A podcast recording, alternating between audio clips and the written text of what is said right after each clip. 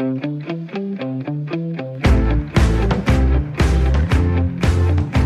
lytter til Fremkaldt med mig, Claus Elgaard. Historien om FC Midtjylland er et Askepot-eventyr, og den er både skrevet og fortalt flere gange. Men nu kan du møde manden bag det hele. Direktør Claus Steinlein har været med hele vejen fra Lars Tønskids mark, som højtstående københavnske fodboldkoryfærer yndede at kalde projektet, og så helt frem til Champions League. Markante fodboldledere deler ofte vandene, og der deles hårdt op. Sådan er det ikke med Claus Steinlein. Ham kan alle lide, og deres udsendte må bøje sig i støvet og indrømme, at Steinlein er en sympatisk mand. Steinlein er gæst i Fremkaldt. Claus, når man læser øh, om dig, og læser artikler og researcher, som det jo så flot hedder, så, øh, så er der noget, der, der altid slår mig, det er det der med, at, at du godt tør drømme stort. Og at du godt tør sige, at man gerne må drømme stort. Hvor kommer det fra? Altså, hvor har du, hvor har du fundet det i livet? jeg tror først, det er i de ældre år, jeg er blevet bevidst om, at det er et redskab til at få folk til at følge ind. Det er et redskab til at, at få en hel organisation til også at drømme stort. Og så er jeg begyndt at tro rigtig meget på law of attraction. Altså jo større man drømmer, jo mere ambitiøs man er, jamen så er der mange af tingene, der går op i opfyldelse. Øh, min datter, hun har sagt så sent som i dag, hun drømmer om at få job i en børnehave, og så besøger hun tre børnehaver. og så siger hun, øh, da hun kommer, far, siger hun så, det var heldigt. Dem, jeg mødte, det var nogle positive mennesker. øh, og, og, og det er, fordi hun er positiv. Så det der med at drømme stort, det er egentlig noget, der er kommet hen ad vejen. Men jeg har altid selv drømt stort. Mm. Måske ikke sat så mange ord på dem, da jeg var mig selv. Øh, men det er jeg blevet bevidst om de sidste 10-15 år, at det godt kan betale sig at sige højt, for så er der så mange mennesker, der vil hjælpe en med det. Men det er et af de ord, man ofte møder, når man læser uh, interview med dig. Det er det der, hvor du refererer til law of attraction. Du må lige forklare mig, hvad det reelt er. Altså. Ej, men altså, måden jeg forstår det på, det er, at, at man bliver tiltrukket. Altså, jeg plejer sådan mine egne små billeder der. Dengang jeg blev far første gang, så har jeg jo aldrig set en barnevogn. Og lige pludselig, så var der jo barnevogne overalt. Altså man kiggede efter, øh, efter barnevognen, fordi man skulle selv ud og købe en, og man skulle selv ud og give en masse penge for en barnevogn, og mm. skulle det så være Millionga, tror jeg, de hed, eller et andet mærke, og man, man så alle de der barnevogne, og der har aldrig været en barnevogn før. Altså da jeg gik i Jomfra Indgade og drak mig fuld, der var der ingen barnevogn, synes jeg. Der var ingen, der gik rundt med dem. Så det, man kigger efter, det er det, man får. Så kigger man efter store drømme, øh, jamen så, så får man opfyldt store drømme, så tiltrækker man folk, der har store drømme. Øh, og, og det kan jeg mærke mere og mere, at jo mere, at jeg man sender simpelthen vibrationer ud i rummet. Man sender positive vibrationer ud i rummet. Altså det er fysisk bevist, at, mm. at store drømme. Og, og da vi skulle starte guldminen, for eksempel, jamen der drømte vi om at udvikle verdens bedste fodboldspiller, og vi vil gerne have den bedste underviser. Og hvem dukker så op? Jamen det gør Svend Erik Schmidt, som mm. er en af de ypperste inden for læringsstil, hvis ikke den ypperste. Og han bliver tiltrukket af det. Så for mig er det egentlig bare et billede på, at, at det man drømmer, der sender man positiv energi ud, og det er sådan, jeg forstår Law of Attraction, det er, at vi får sendt en masse positiv energi ud i verden, og så tiltrækker det andre folk, der også har store drømme og positiv energi. Men er, er det noget, Claus, du, du har lært, øh, ligesom en fodboldspiller lærer at skyde bolden uden om en muropdækning, eller, øh, eller er, det noget, du, er det noget, du altid har levet efter, der du bare ikke vidste, det hed Law of Attraction? Ja, det er det sidste, du siger. Altså, jeg har altid levet efter, øh, hvis man spørger dem, jeg gik i folkeskolen med på Bornholm, på mm. skole, så drømte jeg om at blive professionel fodboldspiller. Jeg ja. snakkede fodbold, ja. men jeg vidste ikke, at det var Law of Attraction. Da vi startede akademiet for at trække meget længere frem i 2004, mm. der spørger, spørger mig og Rosager mig, hvad er jeres drøm med akademiet, og det havde vi egentlig ikke sådan en helt stor drøm, og så slynger jeg bare ud. Vi skal jo to til VM i 2010. og på det tidspunkt, der vidste jeg ikke noget om Law of Attraction. Jeg vidste ikke noget om at drømme stort, at det kunne tiltrække folk, at det kunne tiltrække energier. Så det er først noget, jeg har lært de sidste 10 år, at og i dag bruger jeg det mere bevidst. Øh, jeg har ikke lavet om på mig selv, men i dag er jeg mere bevidst om, hvad jeg gør, og mm. hvad det så også gør ved omgivelserne. Hvad gik du ellers og drømte om, sådan, øh, når du drømte, da du var knægt? Altså? Ej, jeg, jeg drømte bare om at blive professionel fodboldspiller. Det var simpelthen det? Ja, og jeg, og jeg ved ikke engang, om det var professionel fodboldspiller. Jeg elskede bare fodbold, og jeg har jo været heldig, øh, og det tror jeg også, det er, fordi jeg har skudt på mål hele tiden øh, i forhold til at, at, at ture og leve drømmen ud med.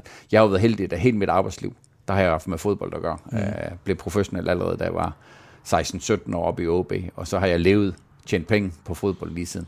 Så lige siden, at jeg var en lille dreng, der spillede jeg fodbold, fodbold, fodbold. Og alle billeder, der er i min mor og fars uh, fotokalender der derhjemme, uh, fotoalbum, jamen der kan man se, at jeg står med en bold, og jeg spiller fodbold med min storebror. Det, det har været det, ja. Ja, det var det, det, det var det, det gik ud på. Det var det, jeg, jeg vil ikke sige, det var drømmen, men det var bare det, der hele livet gik ud på, det var at spille fodbold. Ja. Nu siger du selv uh, mor og far, og det, det er jo ikke nogen hemmelighed, fordi du har fortalt om i nogle interviewer, at de blev skilt. Uh, jeg tror, du var 14 år, kan det ikke passe? Jo. Uh, og var på Bornholm. Hvad, ja, min morfar blev også skilt, og det, og det gjorde noget ved mig. Men nu dig, det handler om. Så hvad, hvad gjorde det ved dig? Altså, hvad, hvad, lærte du noget? Tog du nogle principbeslutninger i den periode om, hvordan du ville være eller ikke være? Nej, altså, det der var, det er jo altid hårdt, når ens forældre bliver skilt, og, ja. og dengang, at vi blev skilt, var det sådan lidt mere tabu, end der i dag. I dag har vi jo fundet ud af, at der er mange, der bliver skilt, så det var sådan noget, jeg holdt for mig selv. Det var ikke noget, jeg fortalte folk om, at, at mine forældre var skilt, og, og lige samme periode, og en skilsmisse er jo ikke lige en enkelt dag, sådan var det i hvert fald ikke min mor og far, de var også oppe og diskutere lidt. Ja. Men i perioden op til, mm. uh, der fik jeg valgt, at jeg skulle på efterskole. Og, og det var ikke sådan noget, man havde snakket om, og det var ikke noget, altså, jeg ved ikke, hvordan kom fra den drøm om at komme på efterskole. Val, valgte du det selv? Ja, Øh, ud fra, jeg, altså, så en tilfældig bog om efterskole, der kunne man spille masser af fodbold. Ja. og, og så sagde mine forældre, du skal ikke tage til Sjælland, der ryger de hash, hvis du tager til Jylland. så det var meget, meget simpel livsstil. Øh, så hvis jeg bare tog en efterskole i Jylland, øh, og, og jeg har tre søskende, så tror jeg lidt på mine forældres side, jamen de skulle skilles. De havde fire børn. Hvis de så kunne sende mig på efterskole, jamen, så havde de kun tre udfordringer mere. Mm. min storesøster og storebror var så store, så de var ved at flytte hjemmefra, eller var flyttet hjemmefra og så havde de min lille søster, og så kunne de ligesom håndtere det. Så, så det var ikke sådan at jeg træffede nogle principbeslutninger, men jeg vil sige, at det var måske det vigtigste step, mm. og totalt tilfældigt, at jeg tog på efterskole, og som har defineret mig mm. rigtig, rigtig meget som menneske, det var, at jeg flyttede hjemmefra, der da jeg skulle i 9. klasse, og klare mig selv derfra. Og min mor og far blev skilt, øh, og det gjorde egentlig, at dengang var der kun mønttelefoner, så der kunne godt gå en uge eller en måned, hvor jeg ikke snakkede med mine forældre, hvor jeg bare klarede mig selv ja. op i, i Havreslev på HSI. Så, så, så det, det i hvert fald har gjort ved mig, det er, at jeg har lært at klare mig selv øh, fra en meget, meget tidlig alder, og min mor og far havde rigeligt med deres skilsmisse, så min far betalte efterskoleopholdet, og så ja. tog de sig egentlig ikke sådan følelsesmæssigt af mig, det måtte jeg selv klare. Jeg forhandlede selv kontrakter med OB. Jeg, altså, jeg kan huske, 15 år efter jeg, jeg gik på efterskole, så holdt jeg foredrag på Bornholm, og så fortalte jeg til foredraget, at de første 3-4 dage, jeg gik på efterskole, der faldt jeg grædende i søvn, og min far, han hørte det foredrag for første gang, og så siger han, faldt du grædende i søvn? det havde jeg ikke snakket med ham om i de 15 år, og der er det jo anderledes i dag med børnene. Så, så, så jeg har egentlig lært at klare mig selv, og det er vel det der, at, at jeg fik ud af, at min far og mor blev skilt. Det var det, jeg fik ud af, at jeg tog på efterskole. Mm. Det var den gave, jeg fik, at ja, jeg måtte klare mig selv. Og, og det... men, men er det typisk for dig, Claus, at, at, øh, at du finder en løsningsmodel, altså ligesom finder ud af, hvis du skal igennem det her, fordi jeg kender det, det er hårdt for børn på 14 år, når forældrene bliver skilt, det er sgu ikke rart.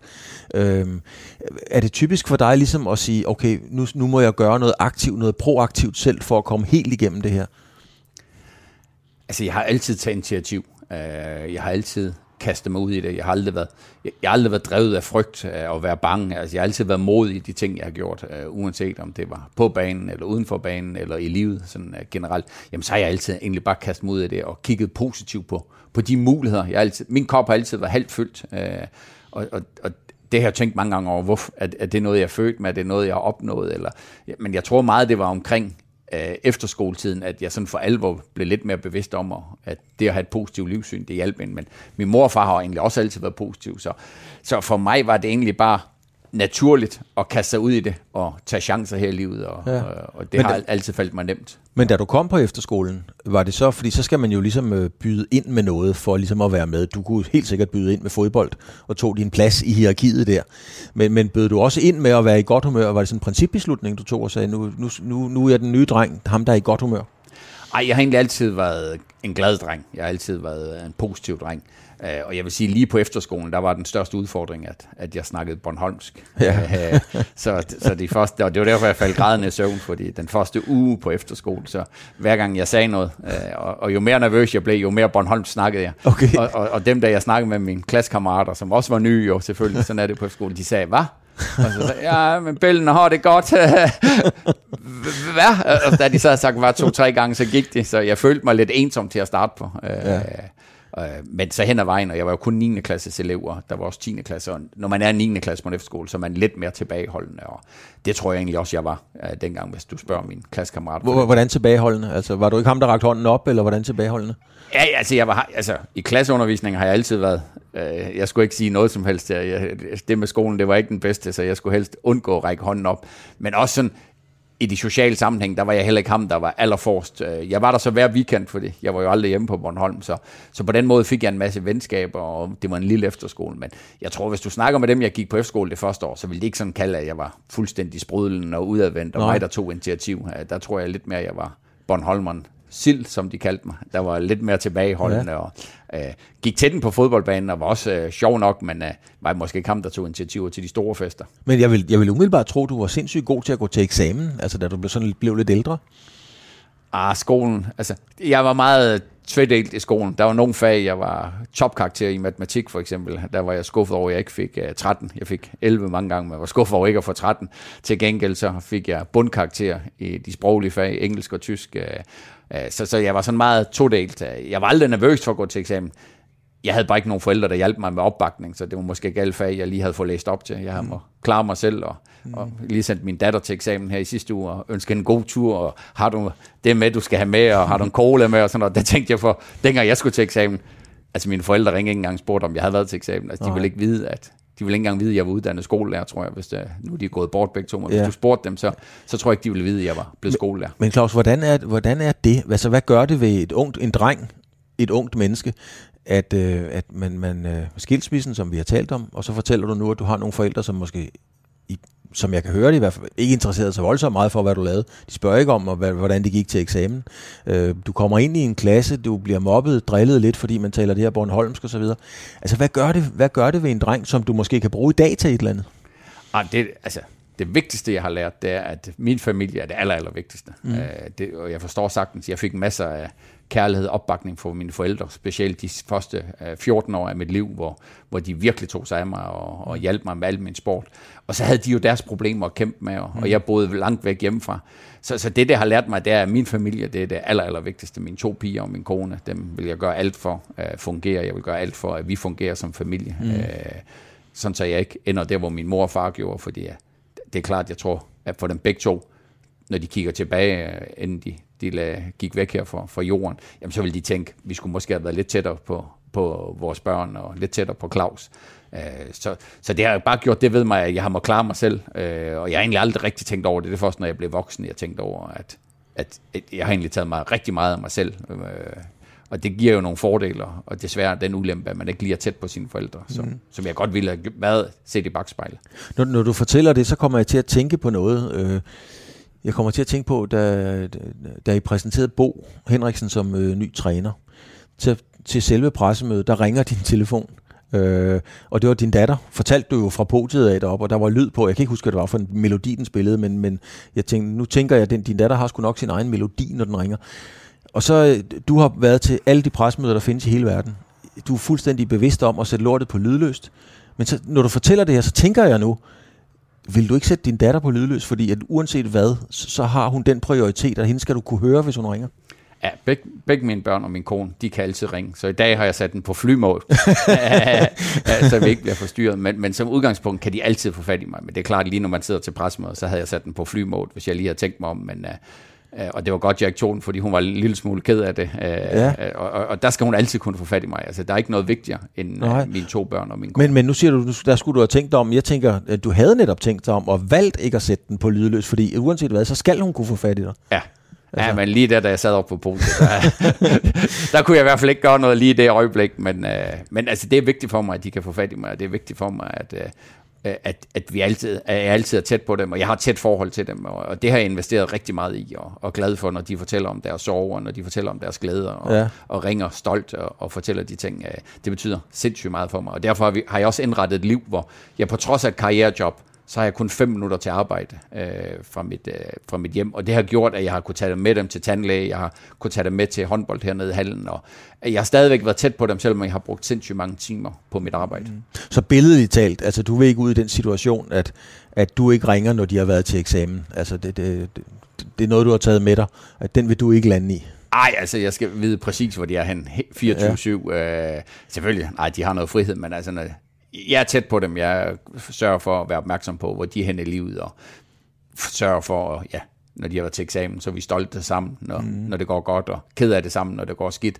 og så prøver at trække læring ud af det. Så jeg forsøger både at være en far og en, og en ven og en mentor for dem, og, og få, få dem til at forstå, hvad, hvad livet går ud på. Som jeg selv måtte have kæmpet mig til, så har jeg prøvet ja. at give min erfaring videre til dem. Men er det det, tror du, der er med til at gøre dig til den? Fordi det er jo indiskutabelt. Der er mange, der ikke holder med FC Midtjylland. Der er også rigtig mange, der gør.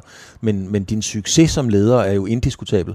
Er det det mix, tror du, der gør dig til så dygtig en leder og så succesfuld en leder, at, at du har den facet af livet med os, at du opprioriterer omgivelser og familie? Jamen, jeg tror, at øh, man skal aldrig sige, om man selv er en succes og sådan noget, men der, hvor jeg måler selv, at jeg har været en succes. Det er, jeg har et godt liv, som jeg er glad for. Jeg, jeg laver ting hver eneste dag, jeg er glad for. Jeg har nogle børn, som oftest er glade, som er positive, som er, som er glade. Jeg har en kone, der, der har et godt liv.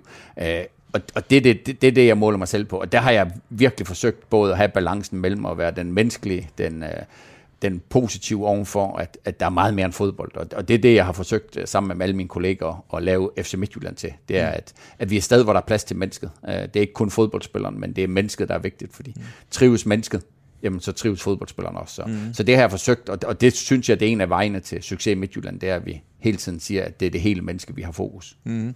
Men det her med at, at, at være i godt humør og turde sige noget drømmestort, og sådan noget, lad os prøve lige at holde lidt fast i det. Øhm, vi kender jo alle sammen øh, Torgild Thyring og racerkøren der, og han har, har jo også altid store drømme, kan man sige. Det er jo en hårfin balance om, hvornår det bliver en karikatur med de store drømme, og hvornår at folk har respekt for det. Øh, balancerer du hårfint på den der grænse? Altså, øh, eller er du ligeglad med at træde over den? Ej, jeg er ligeglad med at træde over den. Altså, vi har taget de øretæver, vi får, når vi melder nogle ting ud, men jeg tror så meget på det. Jeg tror så meget, jeg tror så meget selv på projektet. Altså, når mm. vi melder ud, vi vil tre gange i Europa inden 2020 i 2014, så tror jeg 100% sikkert på, at vi kan det. Når vi lige senest her har meldt, at vi vil i top 50, jamen, så tror jeg 100% selv på det. Og det er egentlig det vigtigste for mig, det er, hvad jeg tror på. At det så giver nogle øretæver, og det ikke lige altid passer til Jantelovs Danmark, det tager jeg ikke så tungt, fordi at jeg ved, at det er det der benzin, der skal til mit bål, det er det benzin, der skal til Midtjyllands bål. Øh, og og så må folk endelig tænke, hvad de vil. Øh, bare alle dem, der er tæt på mig, mm. også drømmer med mig, og det gør de heldigvis. Rekrutterer du folk ud fra, at de også kan være med på, på at have nogle drømme, og, og ligesom køber præmissen, og der, der findes jo altså mennesker, der ikke kan drømme en drøm overhovedet. Øh, men, men er det en del sådan, at jobsamtalen, sådan billedligt talt, at du skal have en fornemmelse af, at det er nogle mennesker, der, kan, der også kan drømme lidt?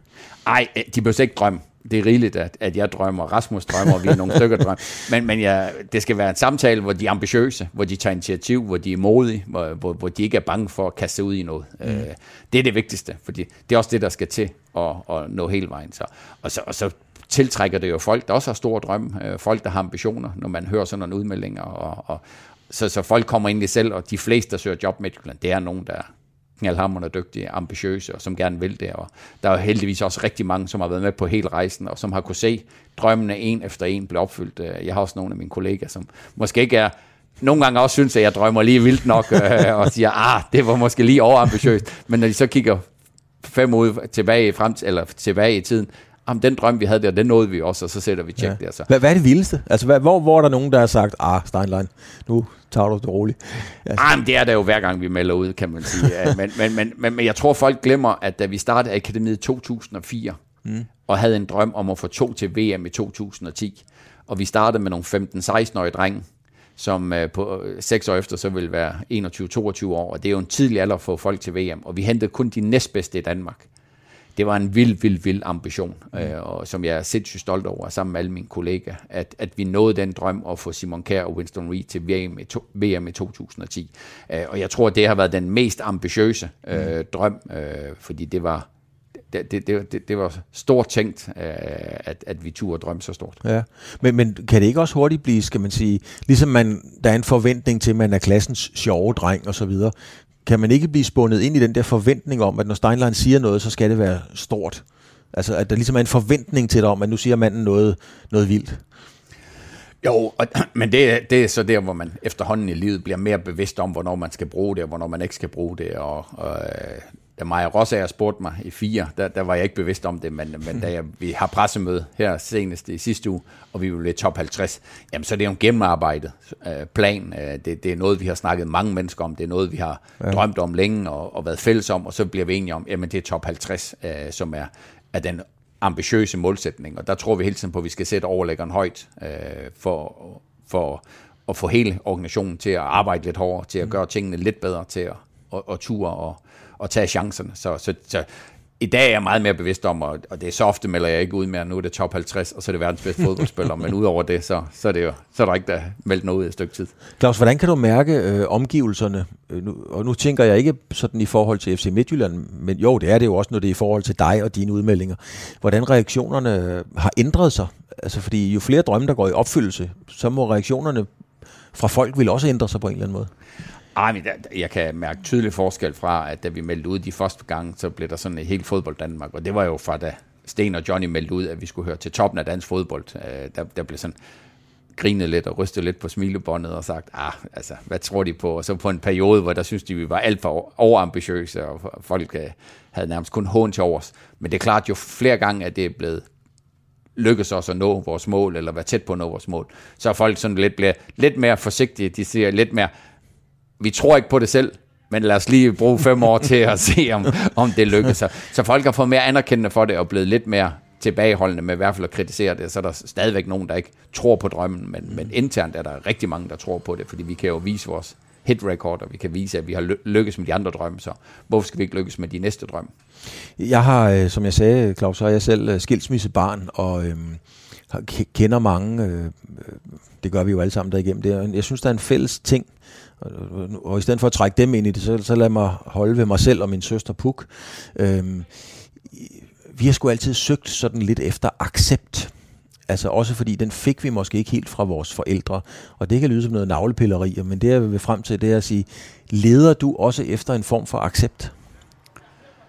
Jeg tror egentlig alle mennesker, jeg tror ikke, øh, om man er skilsmissebarn eller ej, så tror jeg, at alle mennesker godt kan bruge anerkendelse. De kan godt bruge accept af det, de laver. Uh, at, at, at folk rundt omkring siger et skulderklap. Uh, jeg tror, jeg søgte det mere, da jeg var lidt yngre. Det er som om, at jo flere ting, man har prøvet, jo mere mm-hmm. succes, man har haft med forskellige ting så er det egentlig mere en nær omgivelse, man har brug for lidt skulderklap en gang imellem og sige, jamen, det, det er jo sgu flot, altså når, når Anders Holk, vi får hed ham ind, så er det sgu fedt, at dem, der er tæt på mig, lige giver mig et skulderklap og siger, det ved vi, du har arbejdet hårdt for, Claus. Uh, stor tillykke med det, og, og giver den accept. Uh, og, og så ikke så meget ude i verden, uh, så, som det var, da jeg var yngre. Der tror jeg mere, jeg havde brug for, at der var jeg lidt mere ked af, når folk i hvert fald ikke accepterede mig. Mm. I, I dag, der, der kan jeg ryste lidt mere på smilebåndet af det, og så sige, ja, det, det skal nok gå øh, at få den. Men jeg, jeg tror, vi alle sammen har brug for et skulderklap, vi alle sammen har brug for accept, og så tror jeg, vi alle sammen har brug for at gøre en forskel i verden, som hvor folk sådan sætter pris på en, og, og det er også det, der er min drivkraft, det er, at når jeg engang går bort herfra, så skal folk helst sige, han gjorde en forskel, og, og mine mm. børn skal helst sige, jeg har, har givet dem sindssygt meget kærlighed, og, og givet mig mange gode oplevelser. Så, så på den måde vil man godt være accepteret som, som en god fyr. Hvordan, hvordan reagerer du så, Steinlein, når, når, vi ved jo alle sammen, når vi har lavet noget lort. Og det behøver ikke at være noget privat. Det kan være, at man har købt en dårlig fodboldspiller, og det var bare, og det, det ved vi godt, man har lavet. Det var sgu ikke så godt, det der, på et eller andet niveau. Den kritik kan man tage. Hvordan har du det, hvis du bliver kritiseret for noget, hvor du synes, det er uretfærdigt? Ah, der har jeg, det, det kan jeg godt have det svært med. Uh, ikke så meget i aviserne, ikke så meget på sociale medier, men hvis det er sådan, at nogen, der er tæt på mig, mm. der kritiserer mig for noget, som jeg synes ikke er helt retfærdigt, så, så er jeg ikke den glade Bornholmer. Så, så, uh, så, så, så, så, så pumper jeg mig også op og siger, at det kan ikke være rigtigt. Og så kan vi godt diskutere lidt, uanset om det er Rasmus opfra, eller om det er Svend, uh, min sportschef, eller hvad. Så kan vi godt diskutere lidt, uh, og, og så bliver vi til sidst enige, du ved. Okay, men hvad, hvad er det, det, det trigger i dig? Fordi jeg kender godt følelsen, men hvad er det, det trigger i dig, når, når man får skylden for noget, eller sådan lidt, og det, det, man bare, det er bare ikke rigtigt, det er ikke fair. Hvad er det, trigger i dig? Jamen, det tror jeg, det er den der uretfærdighedsfølelse i, at man knokler røven ud af bukserne, man føler, man har gjort alt for at, at gøre det godt. Og hvis man så får skyld for fordi der er nogle gange, der laver man jo en fejl. Klart, det, det, klart. det må man jo stå, altså det er heller ikke for fint til at rejse mig op og sige, det var min den her, det er en kæmpe fejl, øh, det, det skal ikke ske igen. Men hvis man får skyld for noget, hvor man ikke helt føler, mm. altså, så bliver man sådan, jamen, så bliver jeg indbrændt, jeg bliver irriteret, jeg prøver overbevist om, at jamen, prøv at høre, det du siger nu, det er simpelthen forkert. Mm. Det passer ikke. Uh, kan du ikke se det? Uh, så, så det gør bare den der, man bliver irriteret. Uh, fordi Men rammer det ikke hårdere end det? Ja, det var et ledende spørgsmål, men rammer det hårdere end det? Altså er det dybere end det at bare blive irriteret? Ja, altså hvis, hvis der, der var en af mine rigtig gode kammerater, der, der, der, der, der følte, øh, at jeg havde gjort noget, som jeg synes, jeg overhovedet ikke havde gjort. Mm. Det er en af de få gange, hvor jeg har ligget søvnløs øh, ja. i, i, i de 20 år, jeg har været i Midtjylland. Det, det var sådan en blanding mellem Midtjylland og privatsfæren. Men, men fordi jeg synes, det var så uretfærdigt, og jeg synes ikke, det var rigtigt, det han har sagt. Øh, og så måtte jeg næsten morgen tidligt sende en sms og så sige, at det var jeg ikke... Øh, det er jeg sgu ikke enig og det har gjort mig ked af det, og for første gang i, i 20 år, mm. der kunne jeg næsten ikke falde i søvn, og jeg vågnede tidligt. Øh, det blev til mange få, få timer søvn, og, og det er fordi, at jeg følte mig sådan, ah, det er så uretfærdigt. Så. Mm. Hvordan bruger du det sådan i din ledelsesform? Eller kan du bruge det i din ledelsesform i forhold til, hvad du forventer, og hvad dine medarbejdere kan forvente af dig osv., altså i den daglige omgang? Jamen det, vi har en god tone, og den gode måde, vi er sammen på FC Midtjylland, det er, at vi, vi er meget direkte, både med kritik og ros. Vi er meget direkte med at stille store krav til hinanden. Og så, så der bliver aldrig pakket noget ind under gulvtæppet. Altså min nye PA, Stine, som, som jeg har haft et, et halvt år eller noget af den stil, som hun også siger, jamen vi siger jo egentlig bare tingene, som de er, uh, og, og det kan hun egentlig godt lide, og, men man skal også vende sig til det, og jeg skal også nogle gange vende mig til det, når jeg kommer hjem privat, mm. med ikke at, ikke at være for direkte oven for mine tre tøser. Der kan jeg godt nogle gange tage fodboldjargon med. Men, men jeg bruger det egentlig bare til at være åben og ærlig og sige folk, hvordan jeg har det, øh, både menneskeligt, men også arbejdsmæssigt, og hvad jeg tror på fagligt. Og, og så diskuterer vi egentlig altid efter bolden, forsøger at, at kigge på, øh, på bolden og sige, jamen, jeg synes, den skal den her vej, og ikke så meget efter manden og gå efter det. Så, så det er egentlig bare en meget direkte og ærlig ledelsesstil, jeg har, men som vi også er, har i FC Midtjylland hvis vi, hvis vi holder fast i, i lederen Steinlein, øh, er det krævende at være sammen med dig? Ja, det tror jeg. Hvorfor? Man, jeg tror, hvis man spørger min ansat, så tror jeg, de vil sige, at det er krævende. Det er fordi, det er aldrig godt nok. Øh, jeg vil altid gøre det en lille smule bedre, og selv når vi vinder et mesterskab, så vil jeg godt gøre det 5% bedre mm. dagen efter. Og, og det, det vil jeg både oven for mig selv, men også oven for de, for de ansatte. Så jeg tror altid, at folk synes, at det er sjovt nok at arbejde her, det er fedt at arbejde her, det er højt til overlæggeren, der er masser af grin, men der er også kæmpe krav. Så, så, så hvis man ikke kan leve med de der kæmpe krav, så, så, så kan det hurtigt blive en hård arbejdsplads at være på. Men mm. uh, det kan de heldigvis, de fleste der her. Er, er, det, er, er det lidt ligesom at være spiller i FC Midtjylland? Altså, der er nogen, der starter inden, og nogen, der starter ude. Er det også sådan at være medarbejder her, uden for banen? Nej, nej, der starter alle inden. Alle har en vigtig plads, uanset hvor man er hen i det hierarkiske system. Vi har et sindssygt flat øh, system, så alle er velkommen til at komme ind på mit kontor, mm. og heldigvis er der rigtig mange også øh, af dem, der er lidt ude af organisationen, der kommer forbi med, med både gode råd og tanker og, og så videre. Så, så alle starter ind, alle er en del af FC Midtjylland-holdet, og, og, og for eksempel en af de ting, som, som jeg har gjort som noget af det første, det var, at når vi bliver danske mester, de gange vi har fire titler, vi har vundet, jamen så har jeg sørget for, at der bliver udleveret 80-90 guldmedaljer, sådan så også dem ude i periferien får en guldmedalje. Mm. Det betyder sindssygt meget for mig, at vaskemanden også får en af, af anden holdlederen, tredje holdlederen, folk, PA'en, sekretæren, men alle sammen får en medalje, og, og på podiet, hvis man ser vores guldbilleder, jamen, så er der ikke kun fosterholdet, så står der 60-70 mennesker på podiet. For. Så det betyder rigtig meget for mig, at alle føler sig som en del af holdet. Der er aldrig nogen, der starter ud øh, men det kunne, det kunne man jo godt, Steinlein, øh, øh, fristes til at tro, at det var sådan en, en sympatisk, men, men påtrædet øh, strategi, hvor man scorer nogle nemme point, kan man sige. Altså, hvordan kan man vide det oprigtigt? Ej, det tror jeg alle, der, der kender mig, altså, det, det betyder rigtig meget for mig, at mennesker har det godt, og det betyder, altså, jeg synes alle jobfunktioner i Midtjylland, jeg har været heldig at være med siden vi startede og mm. solgte madkasser til at starte på. Ja. Så, så, så jeg kender alle jobfunktioner. Jeg har selv kørt øh, Midt- og Vestjylland tyndt for, for samarbejdsklubber. Så der er ikke noget, der er vigtigere end andre ting. Der er nogen, der er mere profileret end andre ting. Altså vores Superliga-træner, hvor jeg er mere profileret, spillerne er mere profileret, men, men det er lige så vigtigt med, med klubsamarbejde. Det er lige så vigtigt med, med at klubsamarbejde fungerer op i Koldby Hørdom, eller Hurup, eller øh, op i det område, eller Ringkøbing. Så, så for mig er det, der, alle har lige vigtig jobfunktion i FC Midtjylland. Der er bare nogen, der får lidt flere penge for det, nogen, der er lidt mere profileret, men øh, det tror jeg alle, der er tæt på mig, vil, vil ikke, øh, forhåbentlig ikke anerkende til, at jeg altid går meget op i, alle har det godt. Hvad betyder det for dig, hvad folk øh, synes om dig? Ja, det er sgu da klart, der er ikke nogen, der går og synes, det er fedt, hvis der er nogen, der ikke kan lide en. Det kan, det kan jeg godt regne ud. Men hvad betyder det for dig, hvad folk sådan, hvad de tænker og tror om dig? Der, der, der internt øh, dem, der er tæt på mig, mine venner, sådan noget, der betyder det sindssygt meget for mig, at, at, at, øh, at de godt kan lide mig som person, at de synes, jeg er sjov at være sammen med, at de synes, at jeg giver noget til fællesskabet. Det, det betyder alt for mig øh, i min nære omgangskreds. Og så har jeg lært at leve med, at dem, der ser mig udefra, hvad de synes, det betyder ikke mere for mig. Altså, det gjorde det engang. Uh, alle dem, der siger, at de ikke læser, alle de der ting. Jeg har heller ikke læst særlig meget af det, men, og jeg er ikke på de sociale medier. Men det er klart, når man lige læser, at Steinlein er et fjols eller en brille uh, så tænker man de første par gange der, og så går man lige ud og kigger i spejlet, er man så stort et fjols, eller er man så stor brille Men der bliver man lidt mere robust, uh, maleren, og, og, ja. jeg, og det tror også, det har hjulpet lidt, at der er knap så meget i dag af de ting, plus at vi har haft mere succes, plus at jeg har en stor omgangskreds, og de samme venner, som da jeg spillede i OB, det er stadigvæk mine bedste kammerater i dag. Øh, så, så på den måde, så hviler jeg lidt mere af mig selv, og, og lidt mere tryg ved dem, jeg er tæt på. Og det er vigtigere for mig, hvad de synes, end hvad, hvad alle andre synes. Der, der er en ting, jeg har lagt mærke til, og jeg må selv indrømme, øh, Claus, jeg var, jeg var en af dem. Altså, øh, før jeg mødte dig, og jeg har ikke mødt dig ret mange gange, øh, så har man jo læst lidt på Bold og i BT og Ekstrabladet og set lidt, altså man har det her, skal vi sige, medieindtryk af en person. Og der var jeg sgu sådan lidt, øh, lidt, lidt loren. Jeg synes faktisk, jeg er ret god menneske kender, men jeg var sådan lidt, øh, hmm, hvad fanden er han for en ham der? Og jeg ved, mange af mine øh, kolleger i pressen har haft det på samme måde. Lige indtil vi har mødt dig. Og der skal jeg lægge mig fladt ned og sige, så, bliver, så bliver man jo fuldstændig fortryllet af dig på en eller anden måde. kan, kan du godt mærke det? Altså ikke lige, at jeg er det, men, men sådan generelt, at, at, øh, at folk skifter meget, når de møder dig? Ej, der, der er rigtig mange, der kommer forbi, og så når de går, så siger de, Nå, vi troede slet ikke, du var sådan Ja, præcis, præcis.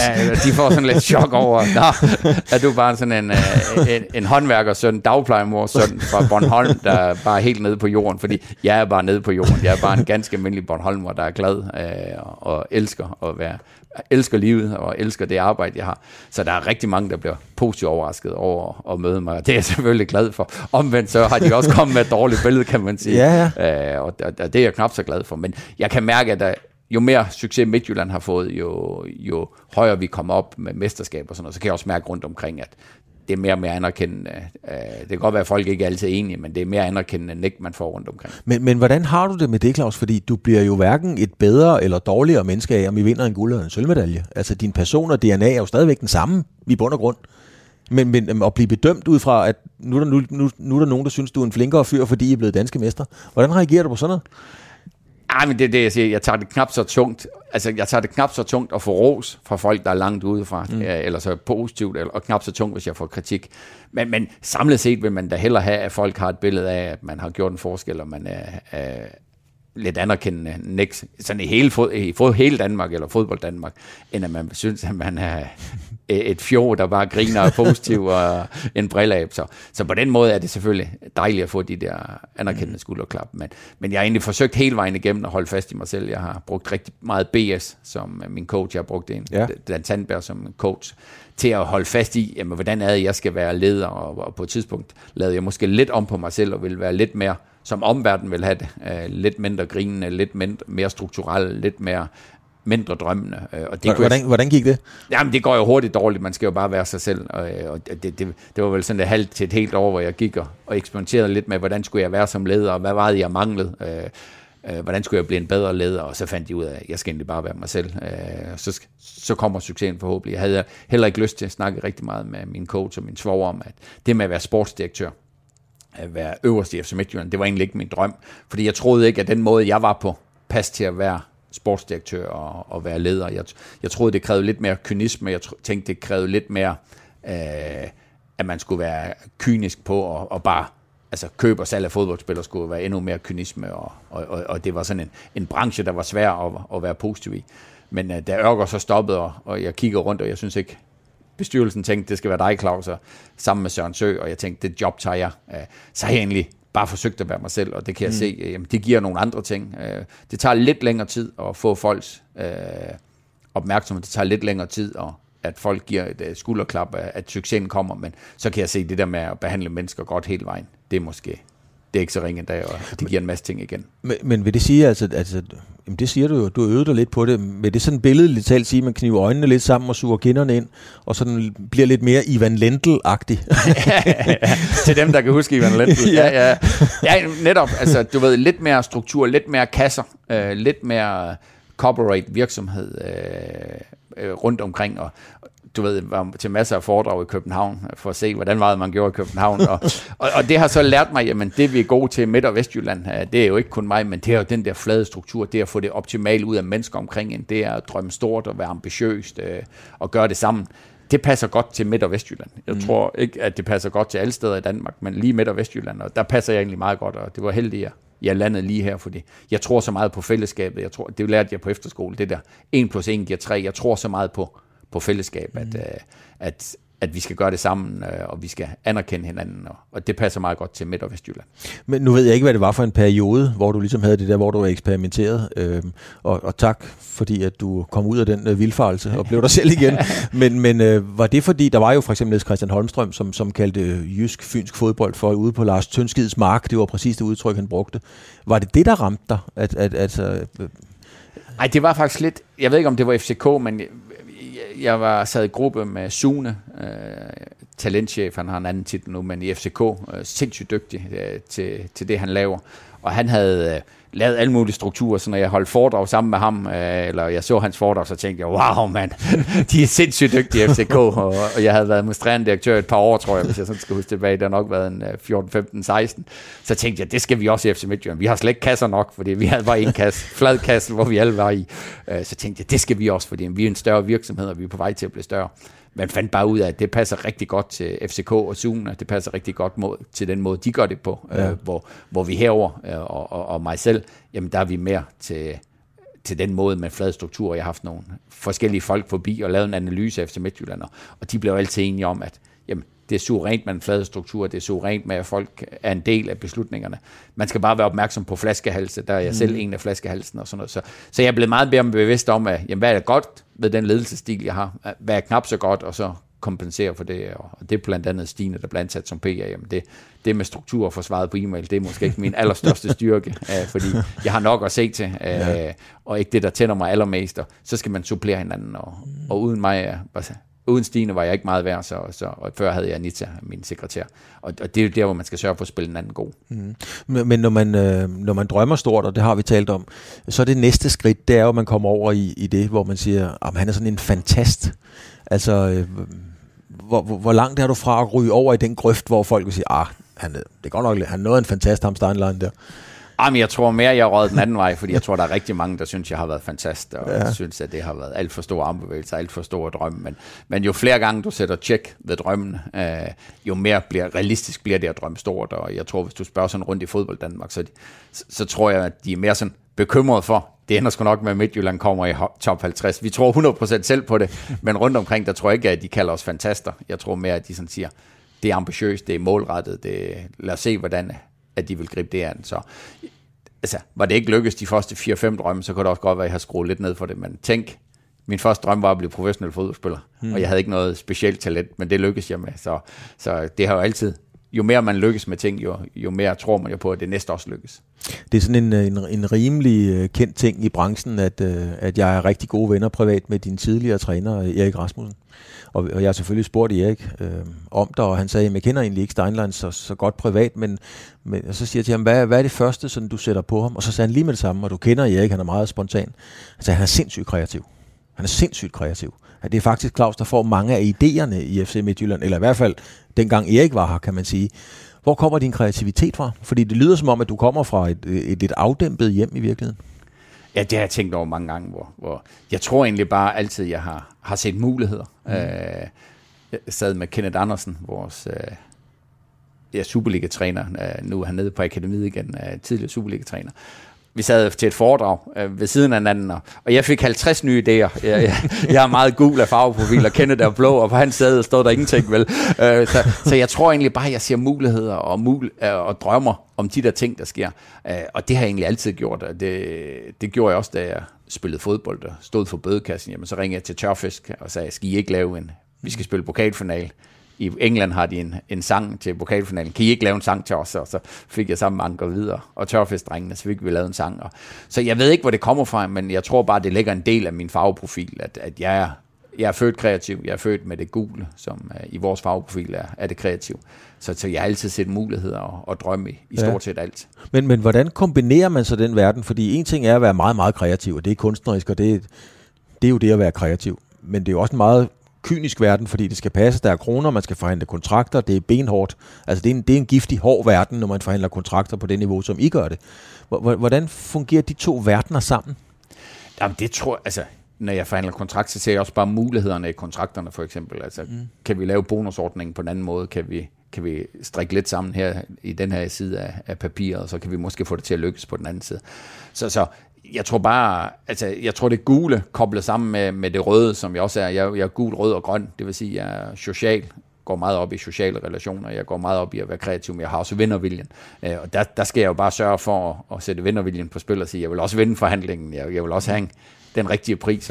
Og så er jeg født, er ikke født herude, men jeg har været her så mange år, så købmandskab er jo naturligt i forhold til, det får vi jo ind med modermælken, eller dem, der bor her, får ind med modermælken. Så, så det er egentlig altid ligger naturligt til mig, at jeg også øh, gerne vil have min vilje. Øh, jeg gerne vil vinde den enkelte kamp, eller den enkelte forhandling. Øh, men stadigvæk med, at modstanderen synes, okay, der var to vinder i den her forhandling. Ja, du bliver ikke pisur, hvis ikke du får din vilje. Nej, jeg bliver ikke pisur. Jeg kan se på dig, at du bliver lidt pisur. Ja, ja, nej, nej. Jeg, jeg bliver, altså, det er meget, meget, meget sjældent, at jeg som bliver pisur, men, men jeg kan godt blive bestemt, og jeg kan godt uh, markere, hvad jeg synes, der er det rigtige. Ja, ja. Er det en side af dig, som overrasker øh, dine omgivelser, hvis du kommer i det mode? Altså hvis du lige pludselig slår over i og bliver lidt kort for hovedet, ligesom nu for eksempel, så bliver jeg da overrasket. Ja. Nej, nej, det, altså, jeg har også den, altså, billedet udadtil er jo, at det altid er den glade uh, Bornholm og smilen. Øh, men jeg har også det der med, at jeg ved godt, hvad jeg vil have. Jeg ved også godt, hvad, hvad der skal til, og, og jeg tror, der alle mine ansatte også godt ved, at jeg har den anden side, og en gang imellem lige viser, okay, øh, nu har vi haft det sjovt længe nok, vi skal også lige præstere på det her punkt, og det var ikke godt nok. Så, så det tror jeg, alle bliver lige en overrasket, i hvert fald dem, der kommer ud fra, dem, der er internt, de ved godt. At, de, de at, kender det godt. Ja, de kender godt. De har, vi har arbejdet sammen i, i 20 år næsten. Et, et, et, et stort spring, Steinlein, som jeg tænkte på, da jeg kørte herop, øh, og, og det var fordi, min verden mest på sporten, det har jo, ikke mest, men jeg har lavet vanvittigt meget boksning, professionel boksning. Så, så det er ligesom det, jeg går meget op i. Så har der været en kamp her mellem med Floyd Mayweather og en eller anden øh, YouTuber og sådan nogle ting. Alt det der. Vi kender hele det her trash talk, og de, de siger dårlige ting om hinanden op til, for ligesom at bygge kampen op. Så slog det mig lige pludselig, FC København, FC Midtjylland. Det er ligesom om, at der er to bokser, som hele tiden skal smide noget i hovedet på hinanden. Er det simpelthen et spil for galleriet for at holde butikken varm og kogende? Altså noget rivalisering, som I begge to øh, kan lukrere på, og det er fedt, det er en, det er en butik? Ej, jeg vil sige, der er gået... både fordi, at Ståle er stoppet over mm. FCK, øh, og for, at Holmstrøm også stoppet, men Ståle har været den sidste, der sidder over. Øh, og så FCK ikke måske haft deres bedste sæson, så har der ikke været så meget i år øh, på den der måde. Men, men det var da sjovt, når Ståle han angreb også, og vi kunne forsvare os lidt og, og give lidt igen. Men det er faktisk længe siden, vi har været ude efter FCK, og det er også, jeg synes egentlig også, det er længe siden, de har været ude efter os. Mm. Men, men det har ikke været sådan været, jeg er godt klar over, at jeg har ikke sat jer ned, som vi sidder nu og aftalt, man skulle gøre det her. Men har det været sådan en, en, en, en gensidig forståelse, at det, det, det er meget godt for butikken, at der er den der rivalisering? Ej, vi har da synes det var fedt, når Ståle sad på de europæiske aftener og holdt pressemøde, han så lige gav os en, en øretæv, fordi det gjorde alle dem, der holder med FC Midtjylland. Mm. De synes Ståle, han var han er ikke rigtig klog. Og til gengæld, så synes alle dem, der holder med FCK, at Ståle, det var fedt, han lige pushede til os, og vi ikke havde europæisk succes. Så på den måde, så har vi egentlig taget det positivt nok, i hvert fald her på, i, i Midtjylland, og, og nu har jeg sms'et lidt med Ståle, efter han stoppede og sådan noget. Jeg, jeg tror heller ikke, han tager det sådan personligt. Det, det var bare hans vennervilje i at være bedst og være løvernes konge, som jo han, på alle måder levede op til. Det var, han var den største på savannen. Ja, det må man sige. Ja, og det skulle vi så holde os væk fra, og det forsøgte han på alle måder at gøre. Men Steinlein, du sagde tidligere det her, eller vi talte tidligere om det her med, at, at hvis man ligesom blev anklaget for noget, eller skudt noget i skoene, som man synes var uretfærdigt. Øhm, øh, FC Københavns nye bestyrelsesformand har været ude i et interview, det ligger på de sociale medier, hvor han siger, at vi driver vores forretning på, på videre know-how. FC Midtjylland har vundet i lotto. Det var stort set det, han sagde. Man har brugt ordet, I har vundet i lotto. Hvordan rammer det dig? Altså... Ej, det, ram, altså, det, det, det griner jeg bare lidt af. Jeg tænker, altså, hvad snakker manden egentlig om? Altså, hvad, hvad han mener, at, at øh, de tre et halvt år, at vi har brugt uh, på for Anders Holk ind, og hvor han har været med og været tæt på, eller var det Benham, som, som jeg brugte, jeg brugte nok 10-15 år på Rasmus, mm. og, hvor vi havde en fælles drøm om at finde en ejer, der ville noget kreativt. Uh, hvis folk tror, det har været rent held, så lad ham om det, og lad de folk, der tror, det var lotto. For, for mig har det været gennemarbejdet over lang tid, hvor vi har skudt på mål i at drømme endnu større. Og, mm. og, og, og det er jo det der med at drømme stort. Altså, Rasmus kom med Benham i, i 14, fordi Rasmus havde en drøm. Jeg havde, havde været tæt kontakt med Rasmus, siden han stoppede på akademiet i 5-6 tiden, eller 2005-6. Og så havde vi hele tiden drømt om, hvordan kunne vi lave en fodboldklub, der tænkte ud af boksen, som, som tænkte anderledes, men stadigvæk var en del af talentudviklingen. Og så ringer han en dag og siger, jeg har en Benham, han er, han er lige ham ejeren, som passer perfekt til Midtjylland. så, så hvis, hvis de tror, det er lotto, så lad dem bare tro det, fordi uh, det, det er jo bare sjovt. Og, så på den måde ryster det mig ikke. Altså, det er værre, hvis det kommer fra, fra en af mine medarbejdere eller fra min familie ja. tæt på, men uh, de ved godt, hvor hårdt vi arbejder for, for, de, for tingene. Men, men det her med, med accept, som vi også har talt om, altså... Øhm, Richard Møller var jo han var ikke glad, fordi han følte aldrig rigtigt, han, blev, han fik den accept for sit fantastiske arbejde, som han lavede som landstræner. Mogens Palle har aldrig følt, at han har fået accept for det store promotorarbejde, han har lavet. Når FC København siger sådan nogle ting, og der kommer den slags københavneri, øh, føler du så, at, at I dig får den accept for det arbejde, I har lavet over?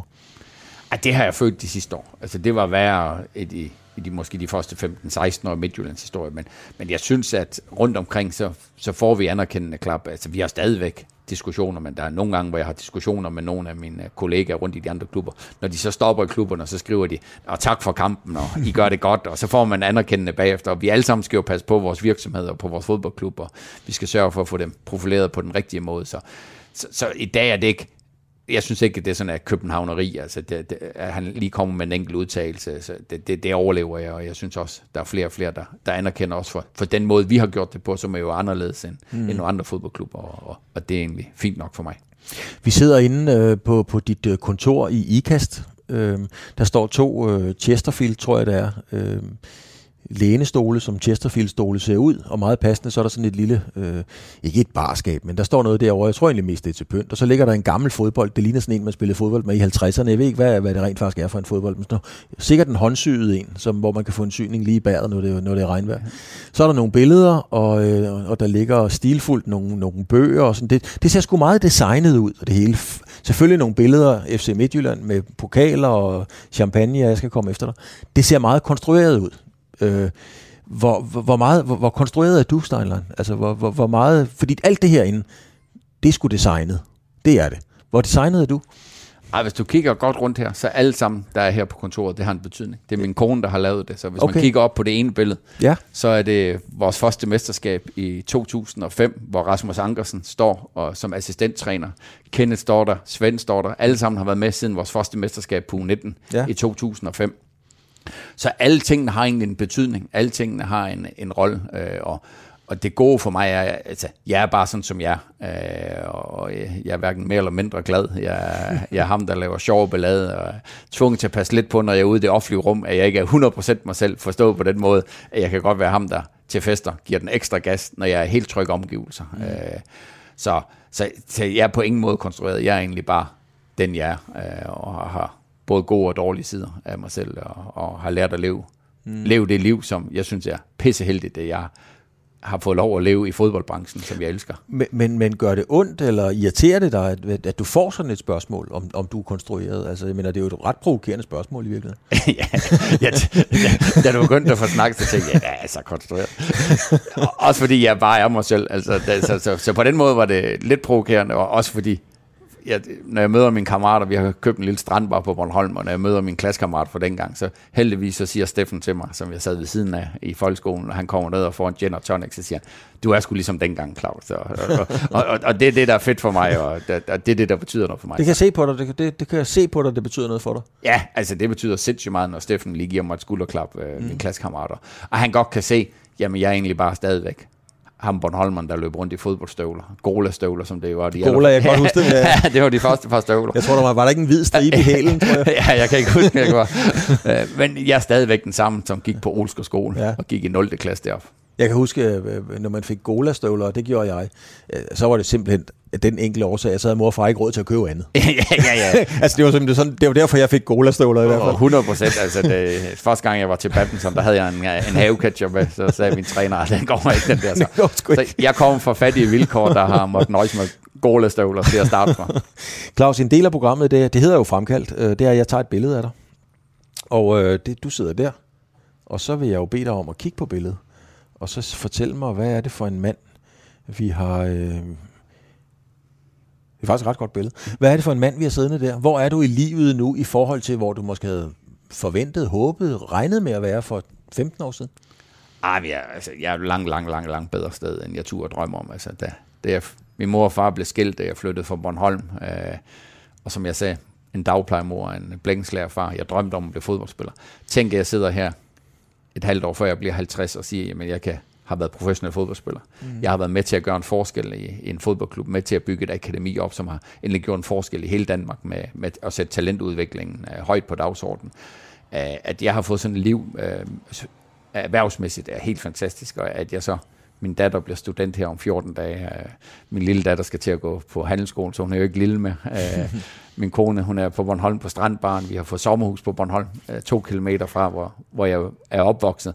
Så, så mit liv er stort set, at det er gået meget, meget, meget bedre, end, end jeg, selv jeg turde drømme om dengang, at jeg var en lille dreng og boede i Allinge Sandvig. Hvis man havde lavet den, den, den klassiske, om ikke Hollywood, så bare en dansk film om en, lille dreng, der, skilsmissedreng på 14 år fra Bornholm, der landede her, vil du så have sagt, ah, nu strammer de den. Sådan, sådan er det jo ikke i virkeligheden. Ja, 100 procent. Uh, altså, det har, været, det har været en helt vild rejse, at, at, at jeg får lov at være med til, uh, og jeg selv har, har været på. Uh, når jeg går rundt på Bornholm, hver gang jeg er på Bornholm, så løber jeg altid hver morgen en tur, og nogle gange så bliver turen sådan på halvanden time. Uh, det folk tror måske ikke, jeg kan løbe så langt. Det går også langsomt, men så løber jeg forbi gymnastiksalen, hvor jeg spillede badminton, og løber forbi vores gamle hus. Vi havde fire barndomshjem derovre, uh, og hver gang så tænker jeg, at det er jo helt vildt, at jeg har været så heldig, at ja. jeg har fået og dygtig jo. Ja, altså, det, det tænker man ikke selv. Man tænker egentlig, at man har været privilegeret over, at man har mødt en masse mennesker, der har tur at give en chancen og givet en mulighed, uanset om det var Bo, der var formand på det tidspunkt, han gjorde mig til direktør, eller Ørger, der gjorde mig til akademidirektør, eller hvor det hen, så, så føler jeg egentlig bare, at jeg har været heldig, at, at folk har troet på mine idéer, og troet på mine drømme, og, og troet på mig, og givet mig de her muligheder, og, og, og det vil jeg være evigt taknemmelig for. Men nu, den er jeg skulle lige nødt til at udfordre dig på, Steinlein, fordi nu har du jo, du har BS som, øh, coach, eller hvad skal man sige. Ikke? Jeg kender jo også BS fra, fra TV. Jeg kender BS rigtig godt. Øh, øh, men nu siger du det der med, at jeg har været heldig, og det, det er meget ydmygt. Men, men den attitude kan du ikke bruge hos dine fodboldspillere. Der skal de jo gå ind og sige, jeg skal til VM, jeg skal, jeg skal score 15 mål. Øh, det kan godt være, at du kun siger, at I forventer at lave 9, men jeg, jeg, jeg skal selv lave 18. Det er jo en helt anden attitude. Hvorfor har du den meget ydmyge attitude, hvis, hvis de andre ligesom skal have en fuldstændig vinder og sige, det er ikke held, jeg er bare god? Jamen, jeg tror også, at fodboldspillerne skal også nogle gange erkende, at, at de er heldige, at de har den rigtige træner på det rigtige tidspunkt, mm. at, øh, at de får chancen, du ved. De fleste fodboldspillere får lige pludselig lov at starte ind i en kamp, og spiller de så godt, og holdkammerater spiller godt, så kan man få mange chancer. Andre gange kommer man net på et hold, ja. og så til den første kamp får du ikke chancer.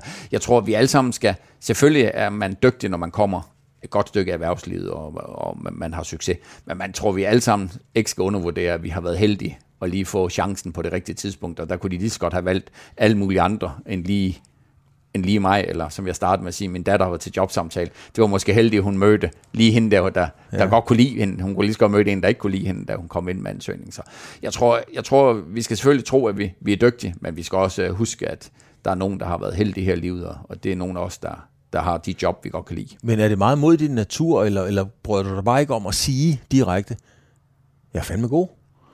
Ej, det er meget mod min natur. Ja. Øh, fordi jeg er kun god, fordi at jeg har sindssygt mange gode mennesker omkring mig, og det mm. både min familie og, og min, øh, min ansat. Altså, var der ikke så mange dygtige sparringspartnere, så ville jeg heller ikke være god. Så, så for mig er, at, at det, det at være god, det skal man, man skal passe på, at man ikke overvurderer sig selv.